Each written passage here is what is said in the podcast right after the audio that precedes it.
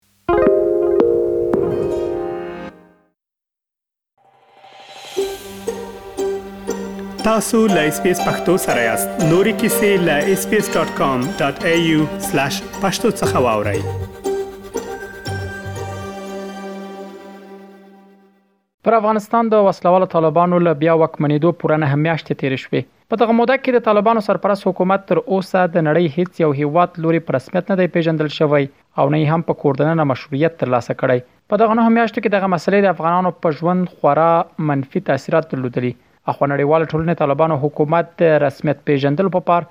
د ټولشموله حکومت جوړول، ښځو او نجونو ته د کار او تعلیم حق ورکول او د اقلیتونو حقوق تامینول د اساسي شرطونو په توګه وړاندې کړي دي. البته دا هغه شرطونه دي چې وسلهوالو طالبانو په افغانستان له واکمنېدو وړاندې له نړیوالې ټولنې او امریکا سره د دوحې د هوکړې پر بنسټ کړې وې. طالب چارواکو که څه هم په دې موده کې پاکستان، ایران، روسیې، ترکیې، چین، ناروې او قطر ته رسمي سفرونه کړي دي، خو په دغو ټولو سفرونو کې د افغانستان پر بشري بحران او د خلکو د ستونزو په اړه له خبرو سره سره له طالبانو په ټینګار سره غوښتنه شوې چې ټولګډونه حکومت جوړ کړي او د ښځو حقونو ته درناوی ولري. دې ډلې په دغو نهه میاشتو کې په داسې کارونو لاس پورې کړی چې نړیوال غبرګونونه یې له ځانه سره درلودلي. خو اساسي پوښتنه دا ده چې ولې د طالبانو سرپرست حکومت لا هیڅ یو هیواد په رسمیت نه دی پیژندلی. دې پوښتنې ته په ځواب کې په خپله طالب چارواکي وايي، د یوه نوي حکومت رسمیت پیژندلو ټول هغه شرایط پوره کړي چې نړیوالو ته د منلو وړ وي. د دې ډلې مرستیال ویاند انعام الله سمنګاني له اس بي اس راډیو سره په خبرو کې وویل چې څومره ژر کیدلی شي باید له نړیوالې ټولنې سره د دوی رسمي تعامل پیل شي ځکه په دې توګه به وکولای شي هغه مسایل د ډیپلوماټیکو لارو له یو بل سره حل کړي چې نړیوال ورته اندېښمن دي. د نوموړي په خبره نور د نړۍ مسوولیت دی چې دوی باید په رسمیت وپېژني. اسلامي امارت خپل له طرفه ټول هغه شرایط پوره کړي چې د رسمیت پېژندلو لپاره ضرورت او همداسې اسلامي امارت خپلو ټولو هغه ژمنو باندې چې له امریکایانو سره او نورو نړیوالو سره کړی ولاړ ده او داسې هېڅ یو بهانه نه ده پاتې چې کوم هیواد دی د افغانستان سره رسمي تعامل ونه لري یا د افغانستان اوسنی حکومت دی په رسمیت ونه پیژني دا یو تدریجي پروسه ده خو زمونږ هیله دا ده چې څومره زر کېدلی شي د نړیوالو سره رسمي تعامل شروع شي دا هم زموږ په ګټه ده هم د نړیوالو په ګټه ده او دې سره موږ کولی شو چې ډیر هغه مسایل چې لا تر اوسه پاتې دي حل کړو همدغسې د نړیوالو که کومې معقولې او مشروع اندېښنې وي هغه هم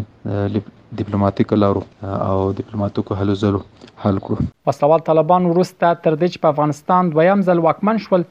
د ژمنو پر خلاف پر ښځو او نجونو محدودیتونه ورځ تر بلې ډېروي، له شپږم ټولګي څخه پورته نجونو ته ښوونځیو ته د تګ اجازه نه ورکوي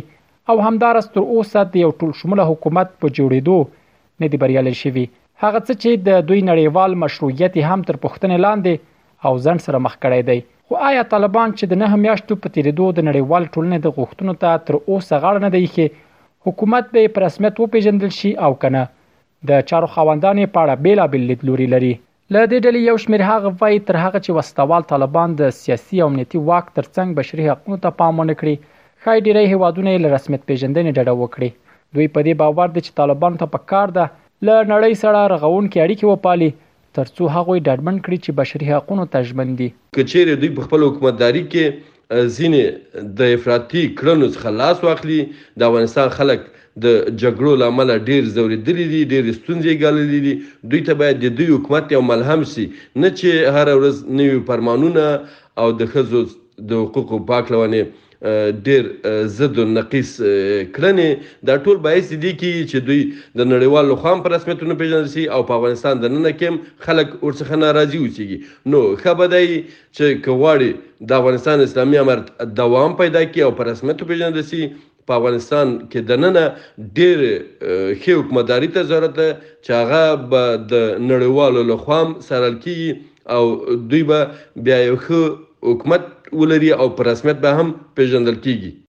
طالبان دلته چې څومره کوښښونه وکړي د دوی وغواړي نور هیوادونه موږ په رسمیت وپیژني خو فکر نه کوم چې دا دلته اساسي نقطه وي یوازینی اساسي نقطه دا دغه هر هیواد او هر څوک چې اوسیږي نو هغه به خپل غوښتنې لري څو پر چې خپل غوښتنې طالبان طالبان د باندې عملی نه کړي او طالبان ورسره هوکړه ونه کړي نو فکر نه کوم کاغه هر هیواد دوی پر رسمیت پیژني دي پر اس کې امریکا ده امریکا هغه هیواد ده چې دا به خامخا خپل غوښتنې او خپلې منافع دلته په افغانستان کې خوندي ویني او خپلې غوښتنې به په طالبانو باندې مني بعد له هغې به دوی د منلو په وړاندې اقدام کوي بعد له امریکا نه نو کولی شي بهر هېواد دلته د دوی د منلو ته لبیک ووایي. طالبانو یو کار چې نه ده کړی هغه خپله سیاسي هغه پالیسي د داخلي او خارجي رسمي نه ده اعلان کړې او هغه مسایل چې په د درې برخو کې ولس ترې توقع لري ولس ته نه غواړي د ولس غږ ته هم غوږ نه نیسي په همه شمول حکومت برخه کې همداسې د د جنکیو د مکاتبو د شپږم نه پورته د ښځو حقوق ښځې باید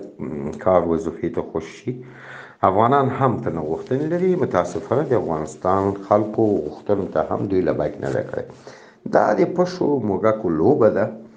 نو که دغسې مسایل روان وي زه فکر کوم چې نتایج به درست نه وي نه د دوی ته او نه د افغانستان خلکو ته خو یو شمېر نور هغه بیا وایي طالبانو ته په کار ده چې په لومړی سر کې د کورنۍ مشروعیت د ترلاسه کولو لپاره په کوردننه د افغانستان دینی عالمان روحانیون قومي مشران او سیاسي مشران راټول کړي او له دوی سره په سلا مشورو د راتلونکي حکومت اساسي قانون او نظام په اړه مشورې وکړي ترڅو همه شموله حکومت منځته راشي د دوی په خبره که وسله وال طالبان په خپل اوسنۍ تګلاره کې اساسي بدلون رانه ولي باوري دي چې په افغانستان کې به یو ځل بیا جګړه زور واخلي چې دا د هیڅ لوري په ګټه نه ده. طالبان ته پکار ده په کورنۍ دنده کې دوی به یو معیاري او ستندرد حکومت منځته راولي د ملي مشروعیت د لاسه کول لپاره به د لوی جرګې یا ټاکنو ته مراجعه وکړي اساسي قانون جوړ کړي همداسې د کابینه دایمي او د زعامت حقوقي آدرس باید معلوم کړي. نو زما په عقیده طالبانو ته اوس په کار دا ده، د ټولو نه ضروري خبره دا ده طالبانو ته چې دوی باید د افغانستان دیني علما، روحانیون، قومي مشران او سیاسي مشران را جمع کړي، په سلا او مشوره د راتلونکي نظام په هکله، د راتلونکي اساسي قانون په هکله او د راتلونکي حکومت په هکله ورسره سلا او مشورې وکړي. چې د خلکو په سلا او مشورو یو همشمول حکومت منځته راشي چې دا د ټولې نړۍ غوښتنه ده په یوه ژبه او تر څو چې طالبان په خپله پالیسۍ کې دغسې یو اساسي بدلون رانولي زما ډېر تشویش دا دی چې جنګونه به نور هم زیات شي چې دغه جنګونه نه د طالبانو په ګټه دي نه د افغانستان په ګټه دي. او د هیڅ چا په ګټه نه دي او څوک چې جګړه کوي د هغوی په ګټه هم نه دي. عام باور همدا دی چې طالبانو سرپرست حکومت لوري د نړیوال مشروعیت ترلاسه کولو لپاره مهمه ده چې لومړی کورنی او ملي مشروعیت ترلاسه کړي. ملي مشروعیت په هغه صورت کې ترلاسه کېدلی شي چې سرپرست حکومت یوه داسې جرګه راوبولي چې د بېلابېلو اقشارو استازي پکې ګډون ولري. په دغې جرګې کې باید د افغانستان اساسي قانون او د دولت څرنګوالی باید تثبیت شي. د هغې نه وروسته موږ کولی شو چې نړیوال مشروعیت دپاره اقدام وکړو. طالبانو په تېره اګست میاشت کې پر افغانستان د ولکې له بیا ټینګولو مخکې پر تېر حکومت په وار وار د یو ټولګډونه حکومت د جوړولو غږ کوو خو اوس په دې ډلې نیوکې دي چې لا یې هم داسې حکومت نه دی جوړ کړی چې ټولې ډلې ټپلې، سیاسي بهیرونه او ان ښځې پکې ځان وګوري. وسلهوالو طالبانو له پیله دا هیله درلوده چې ډېر ژر به یې یو شمېر هېوادونه د دوی تر واکمنۍ لاندې حکومت په رسمیت وپېژني خو دا هیله یې تر اوسه پوره شوې نه ده. حتی دې ډلې ته نږدې هیوادونه لکه پاکستان، چین، روسیه او ایران چې د دوی له واکمنۍ مخکې ورسره نږدې اړیکې درلودلې، لا د دوی حکومت په رسمیت نه دی پیژندلی. امریکا متحده ایالاتو د وسلهوالو طالبانو او تېر جمهوري نظام ترمنځ د جګړې پر مهال خبرداری ورکړی و، که طالبان په زور واک ته ورسېږي، له سختو بندیزونو سره به مخ شي.